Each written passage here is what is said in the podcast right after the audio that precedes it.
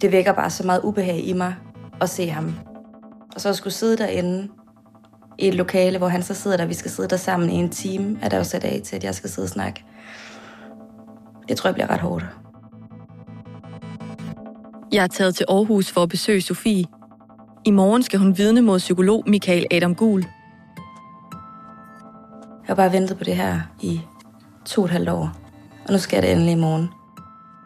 Jeg er jo helt vildt nervøs for at komme der ind og for skal sidde og fortælle om alting igen, og for at se ham. Jeg har jo ikke været i samme rum som ham siden 2018. I 2018 var Sofie nemlig Michael Adam Guls kæreste og assistent. Hun hjalp ham med at udarbejde forældrekompetenceundersøgelser for kommuner landet over. Men mens arbejdet stod på, udsatte han hende for trusler. Fuck dig, mand, hvor er du rædselsfuld. Jeg kan sige til noget, at du skulle sige til noget med Frans hjælp. Vi skal væk fra hinanden, når vi lavede det her FK. Fordi den dag gør jeg den der. Der er ikke nogen, er så bitter på som dig i den her verden. Jeg håber for dit eget liv og din families liv, at der ikke står et andet navn i den her rapport. Og jeg mener, jeg går fuldstændig, og jeg har advaret dig. Altså, du bliver min største fjende, og det vil den følge nok. Med hjælp fra politiet blev Sofie hentet væk fra psykologen i december 2018. Siden da har anklagemyndigheden rejst en straffesag mod Michael Adam Gul, der nu er anklaget for at have udsat Sofie for trusler, vold og afpresning. Anklager, som Michael Adam Gul benægter. Det var virkelig godt for mig at komme væk, men øh, jeg er godt nok virkelig, virkelig glad for, at jeg ikke vidste der, hvad der skulle til at vente mig. Det havde jeg ikke kunne overskue. Mit navn er Helle Fusager, og du lytter til fjerde episode af I de forkerte hænder. I sidste episode fortalte Sofie sin historie om forholdet og arbejdet med Michael Adam Gul. Og det er første gang, hvor jeg kan huske, at han slår mig i hovedet. Og der begyndte jeg sådan virkelig for alvor. Jeg har altid været bange for ham, men virkelig sådan redselslagen for ham. Jeg kan bare huske til sidst, at jeg var bare fuldstændig udmattet. Og ved hjælp af Snapchat-beskeder og en politirapport kunne jeg tage os med tilbage til slutningen af 2018, hvor Sofie endelig kom væk. Hvordan har dit liv været efter du kom væk derfra og så til nu? Det har været med en allerhulens masse øh, terapitimer, mange forskellige præparater for at kunne sove om natten, en PTSD-diagnose, lever på skjult adresse, og så florerer der jo alt det kaos i mit hoved stadigvæk, som han satte i det. I morgen skal Sofie altså vidne i den straffesag, der er blevet rejst mod Michael Adam Gul, efter hun kom derfra. I mellemtiden har han haft et polititilhold mod hende. Det betyder, at Michael Adam Gul ikke må kontakte Sofie eller nærme sig hende. Og det fik han få dage efter. Alligevel så kimede han jo mig ned. Jeg havde blokeret ham fra alting. Men øhm, han skrev fra alverdens øh, fiktive Facebook-profiler og Instagram-profiler. At Michael Adam Gul skulle have overtrådt tilholdet er også en del af straffesagen mod ham. Men det forhold benægter han. Ifølge sagens journaler var det politiet, der opfordrede Sofie til at få et tilhold med det samme. Et råd, hun valgte at følge, men som Michael Adam Gul altså så stort på. Han begynder i julen, der i 18, at kontakte mig over min studiemail også. Blandt andet kontakter Michael Adam Gul Sofie på hendes skolemail. Altså skolen via, hvor Michael Adam Gul og Sofie mødte hinanden. Og hvor han, mens alt det her sker, stadig underviser, og Sofie stadig er elev. Jeg ringer så til hende, lederen på Socialrådgiveruddannelsen, og fortæller bare lige kort om det her forhold, jeg har haft til ham. Han har fået et polititilhold, og han nu også begyndt at kontakte mig på min studiemail, og derfor ser jeg mig nødsaget til at inddrage dem. Sofie laver opkaldet i starten af januar 2019. Bagefter sender hun også en mail til uddannelseslederen Bente Vibeke Lauritsen. Jeg opsøgte Michael i forhold til et råd om psykologer, da han i undervisningen... Her i beskriver Sofie det forløb, hun også har fortalt mig. Jeg led meget af angst på det tidspunkt. Og jeg kan ikke rigtig huske, hvad der udløste. Jeg kan bare huske, at jeg får et angstanfald, hvor at jeg kan slet ikke trække vejret. Magtforholdet mellem psykologen og en ung, sårbar pige, som jeg var på det tidspunkt, er meget ulige og meget umoralsk. Og jeg kan huske, at han starter med sådan grinende og sige et eller andet med, hvis du skal have en psykolog, så skal du jo have mig. Jeg er den bedste. Michael foreslår, at vi kunne mødes en fredag efter undervisning. Og da han så foreslår, at vi kan mødes fredag efter undervisning, der tænkte jeg sådan lidt, for det første, det er lidt mærkeligt. Øhm, men der var også noget i mig, der tænkte, Nå, så må det jo være, fordi han gerne vil hjælpe mig. Det aspekt af denne sag. Og jeg har heller ikke ment, at det har været relevant eller passende at inddrage VIA før nu, hvor jeg er potentielt fare på grund af Michael. Denne fare, jeg beskriver baseret på Michaels egne udsagn til mig, hvor Michael blandt andet har troet mig og min familie på livet. Sofie gør i sin mail også skolen opmærksom på polititilholdet. Skulle du betvivle min sag eller have spørgsmål, er du velkommen til at kontakte Østjyllands politi, da det er dem, der har stået for at give Michael tilholdet. Trods oplysningerne vælger VIA at lade Michael Adam Gul fortsætte som underviser. Skolen har altså en underviser ansat, som har et polititilhold mod en elev. Og ikke nok med det. Tre måneder efter Sofies mail modtager hun et opkald fra selv samme uddannelsesleder. Jeg har fået en henvendelse om, at der er baseret nogle rygter og sådan noget. I og med, at jeg jo ikke har sagt noget ud i organisationen, så kan jeg jo sagtens se, altså, hvor det måtte komme fra. Altså, jeg tænker, at du siger, at det, øhm, at det er noget, der kommer fra mig. Bente Vibeke Lauritsen, uddannelseslederen på VIA, beskylder altså nu Sofie for at sprede rygter om Michael Adam Gul. Sofie optog samtalen. Man kan høre, at hun afviser at sprede rygter, og foreslår, at det kan være Michael Adam Gul selv, der snakker i krone. Men det tror uddannelseslederen bestemt ikke. Jeg tænker bare, at... Nej, jeg tror det ikke. Nej, det, uh, det tror jeg bestemt ikke, faktisk. I stedet beder lederen Sofie om at stoppe det, hun kalder for rygter. Lad mig så sige det på den måde, at nu er du så også vidne om, at der er rygter, der går, ikke? Ja. Og øh, så lad os stoppe den der. Og så håbe på, at det ikke øh, florerer videre, fordi jeg mener ikke, det er hensigtsmæssigt for nogen. Og heller ikke for uddannelsen, at det kører videre. Øh, og jeg havde allermest ønsket, at, øh, at det private kan holdes privat, ikke? Altså, og ikke øh, bliver pludselig et, et issue ind på en uddannelsesinstitution.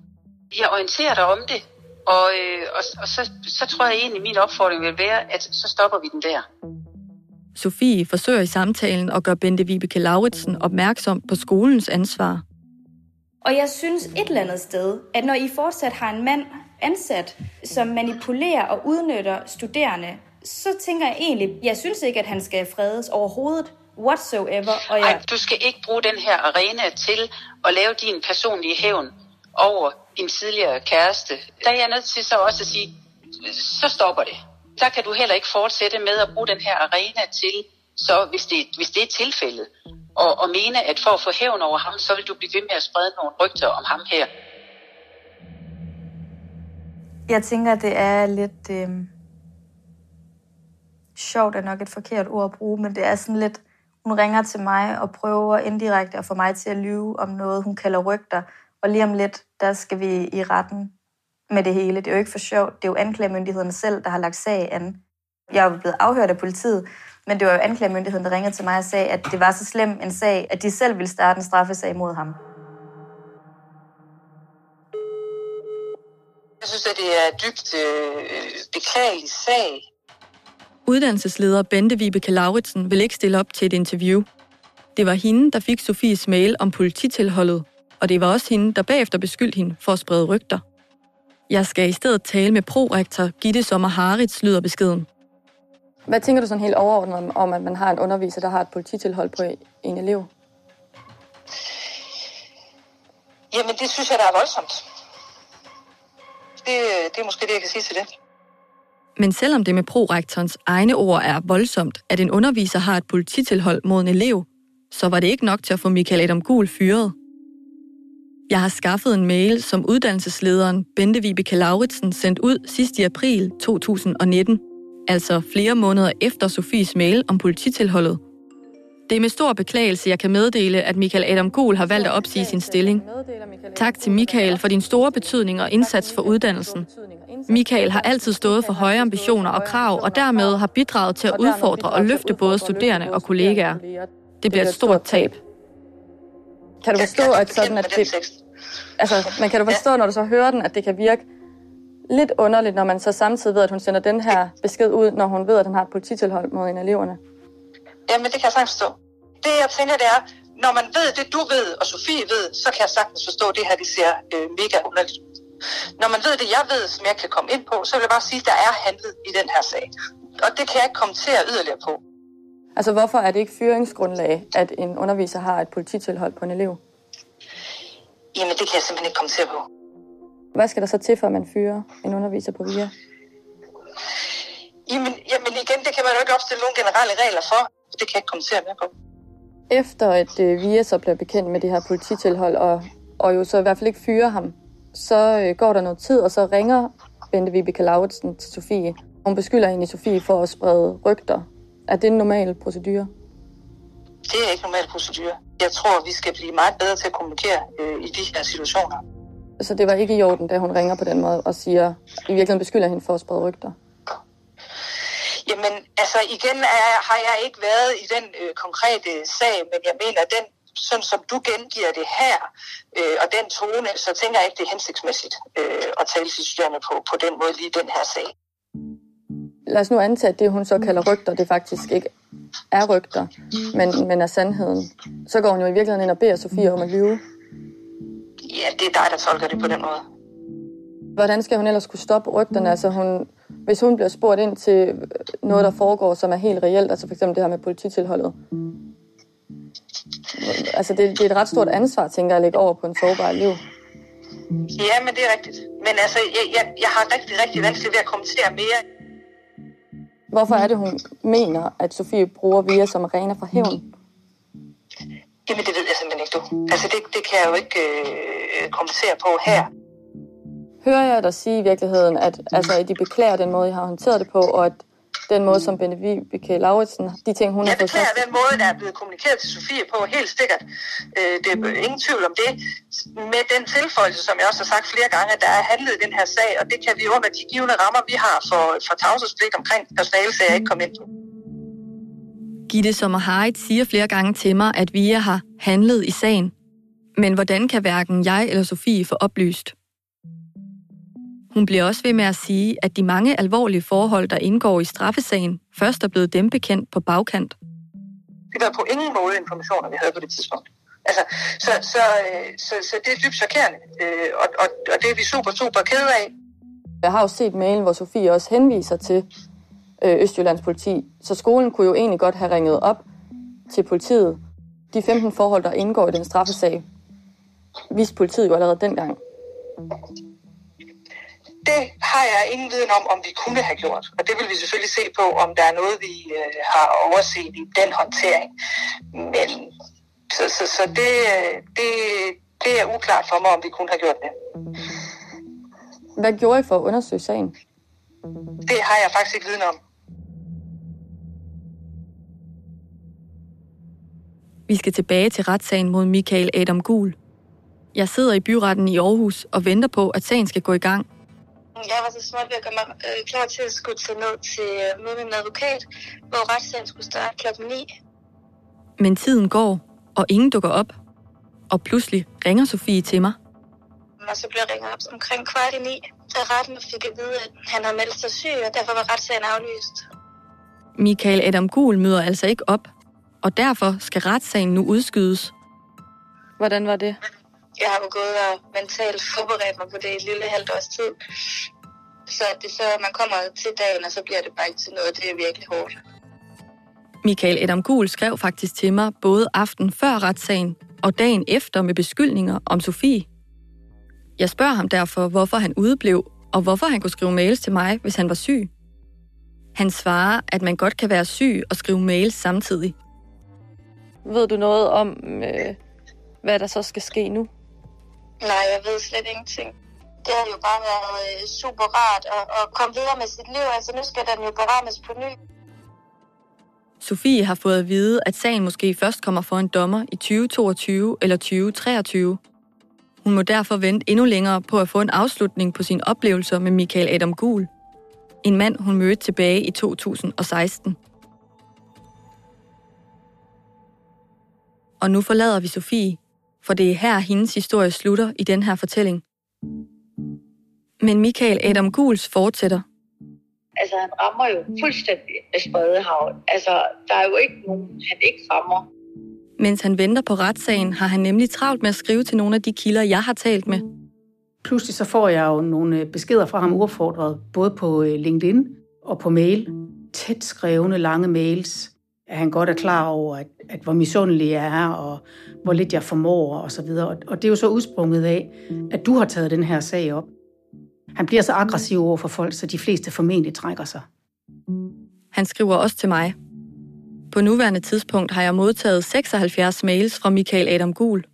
Jeg glæder mig til podcasten, og også til, at Sofie og eksperten og dig også får jeres fame i en anden avis. Ifølge pressenævnet og min ven, der er journalist, og den journalist, der skriver andet perspektiv for anden avis, siger, at det er meget uetisk og ufagligt. Michael Adam Gul mener, at kritikken mod ham skyldes en sammensværgelse fra det etablerede system, og at hele sagen derfor er partisk og usaglig. Men sandheden vil komme frem i andre medier, siger han. Det er ekstremt partisk, men det, altså det, men det, det siger ham, men journalisten også, som kommer med en, modhistorie. Også det er der ikke noget usvendeligt i, at du gør. Det er i hvert fald både, hvad den anden journalist mener, og hvad advokat mener, øh, og hvad flere psykologer også mener. I flere af de 76 mails, jeg har modtaget, fortæller Michael Adam Kuhl, at han har talt med folk, der kender mig. Journalister på Ekstrabladet og en lektor i journalistik. 10. juni skriver han også, at han har været leder af foreningen Intelligente Psykopaters Balance, der består af eksrocker og personer med dyssociale træk. Vi bekæmper uretfærdighed på system- og individniveau. Man kan finde gode historier om alle, også om dig og din familie,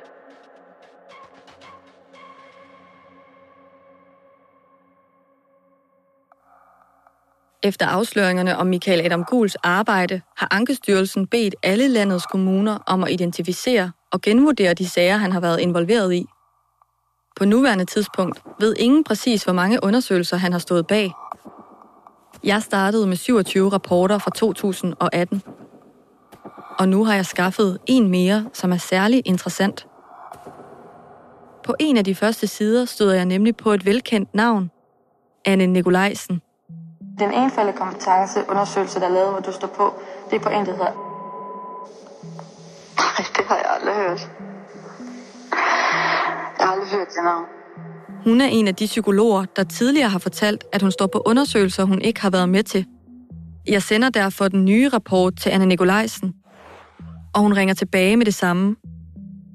Øhm, det er ikke, fordi jeg overhovedet vil sige noget. Jeg vil bare helt vildt ked af det.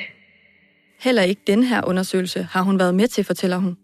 Jeg har jo kun 27 af hans rapporter, og nu er der så ja. også kommet den her, så jeg har fundet en mere, ja. du står på.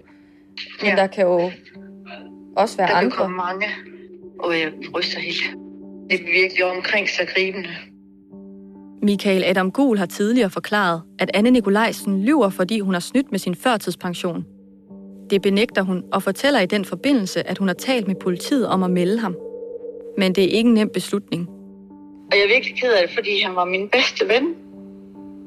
Og det er det, der har været værst. Så derfor bliver jeg meget berørt af Michael Adam Gul har ellers fortalt, at andre psykologer kun kritiserer ham, fordi de er hans fjender. Men Anne er altså hans gamle bedste ven, fortæller hun. Jeg troede alt det bedste om ham. Altså, jeg troede, han var den dygtigste af alt dygtigt. Og da min mand døde for 12 år siden, så var han der. Han var der bare hele tiden øh, og han øh, passede på en eller anden måde på mine børn, og han passede på mig.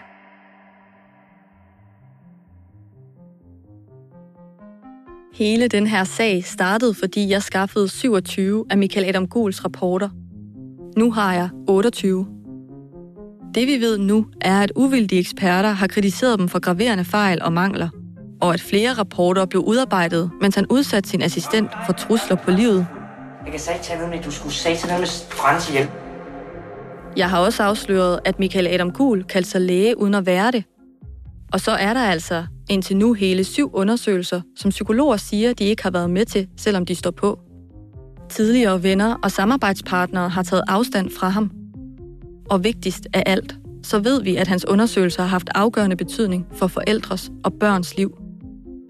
Men hvorfor opdagede kommunerne ingenting? Jeg har kigget nærmere på Tornby Kommune. De har nemlig brugt ham særligt meget. Alene i 2018 fik de Michael Adam Kuhl til at udarbejde hele 16 forældrekompetenceundersøgelser, selvom flere eksperter vurderer, at en psykolog kan lave højst fire undersøgelser om året, hvis de altså skal leve op til den etiske og faglige kvalitet. Jeg startede min historie hos Mi hun er en af dem, Tornby Kommune har lavet psykologen undersøge. Det er så skræmmende at stå og have to timer til at pakke sine børns liv sammen. Det er det værste i hele verden og jeg har fundet en mere. Jeg er taget til en lille villavej i Tornby Kommune. Her bor der nemlig en kvinde, jeg kalder Maria. Hun ønsker at være med anonymt. Han var glad og smilende og frisk og snakkede om, hvad han lavede. Og, og, og han var uddannet psykolog, og han øh, var læge på Skyby. I 2018 satte Tornby spørgsmålstegn ved hendes to spædbørns ved og vel. Marias egen forklaring er, at hun på det tidspunkt var i et dysfunktionelt parforhold. Ifølge Maria kaldte Michael Adam Gul sig for læge, selvom han ikke er det. En titel, han også brugt over for Mie. Og jeg har udover at være psykolog, har jeg sådan lidt atypisk baggrund. Jeg er egentlig uddannet i medicin. Øh, altså, jeg er uddannet læge først. Altså, jeg er, læge, jeg er uddannet psykolog og uddannet læge. Han har lavet mange forældrekompetencer, han har arbejdet meget for Tornby Kommune. Han har mange sager kørende også i øjeblikket, og han skal videre til de næste sager, og nu skulle han lige afslutte også, ikke? Under forløbet oplever Maria et misforhold mellem, hvad hun fortæller psykologen, og hvad der står i hans rapport, fortæller hun. Han sagde, at jeg var jo klog og velfungerende i hverdagen. Der var ikke noget at sætte finger på, men så kommer der bare et helt andet resultat ud i, øh, i FQ'en, øh, som undrer mig lidt. Ikke? Han skrev ligesom det modsatte af, hvad han sagde mange gange. Altså, han spurgte jo ikke ind om min, min barndom, og det har han jo skrevet om. Gav han da også nogle diagnoser? Han sagde, at jeg havde en personlighedsforstyrrelse. Også det første sted, jeg blev henvist til, de afviste mig. Så tænkte jeg, hvordan kan I afvise mig, når der er en psykolog, der siger, at jeg har en fortrolighedsforstyrrelse, men du lever ikke op til kriterierne til det. Jeg tænkte, det er underligt. Altså, så du kom ind og fik lavet en test? Ja, og sådan en samtale, og så sagde de, at du lever ikke op til kriterierne. Så der er en psykolog, der skriver det her. Michael Adam Gul siger, at en personlighedsdiagnose kan ændre sig over år, og at han ikke stillede diagnosen som sådan. Jeg har set Marias FKU, hvor Michael Adam Kuhl rigtigt nok skriver, at han finder symptomer på personlighedsforstyrrelse. Jeg har også set hendes journaler, hvor en anden psykolog og en overlæge bagefter har fundet ud af, at hun ikke lever op til kriterierne for diagnosen. Altså, det, det er jo surrealistisk. Man kan ikke forestille sig, hvordan det er at skal udsættes for alle mulige ting, som bare ikke er sande.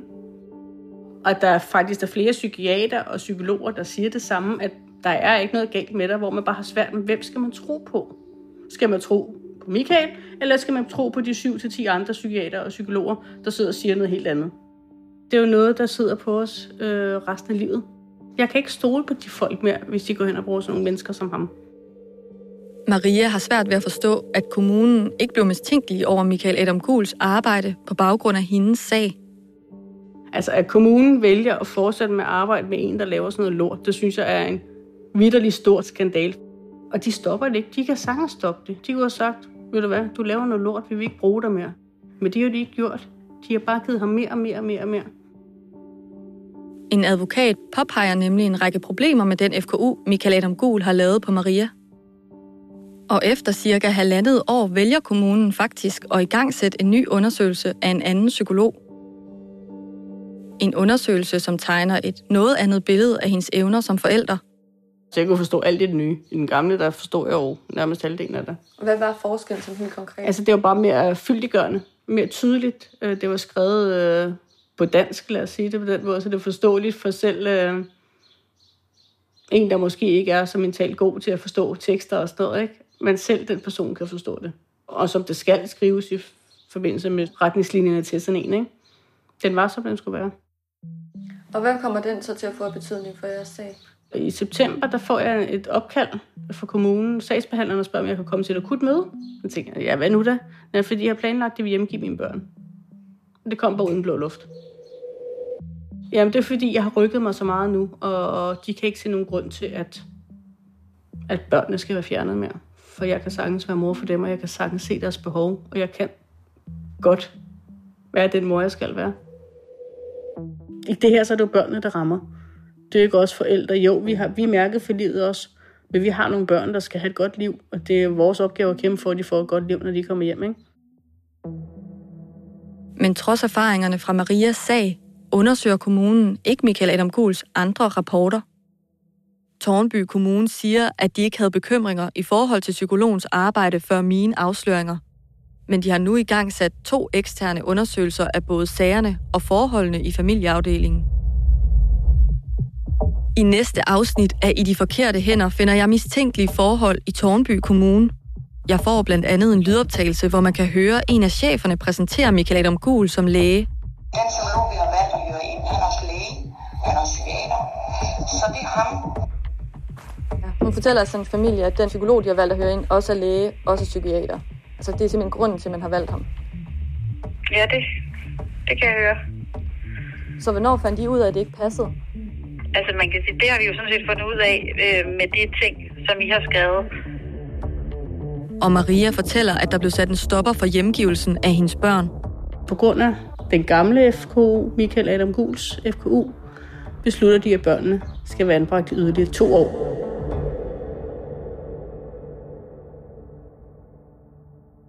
Har du noget viden eller en historie, du gerne vil dele med mig, så kan du gøre det sikkert og anonymt på adressen forkerte snablag protonmail.com. Du finder også adressen i episodebeskrivelsen. I de forkerte hænder er lavet af Thomas Arndt og mig, Helle Fusager.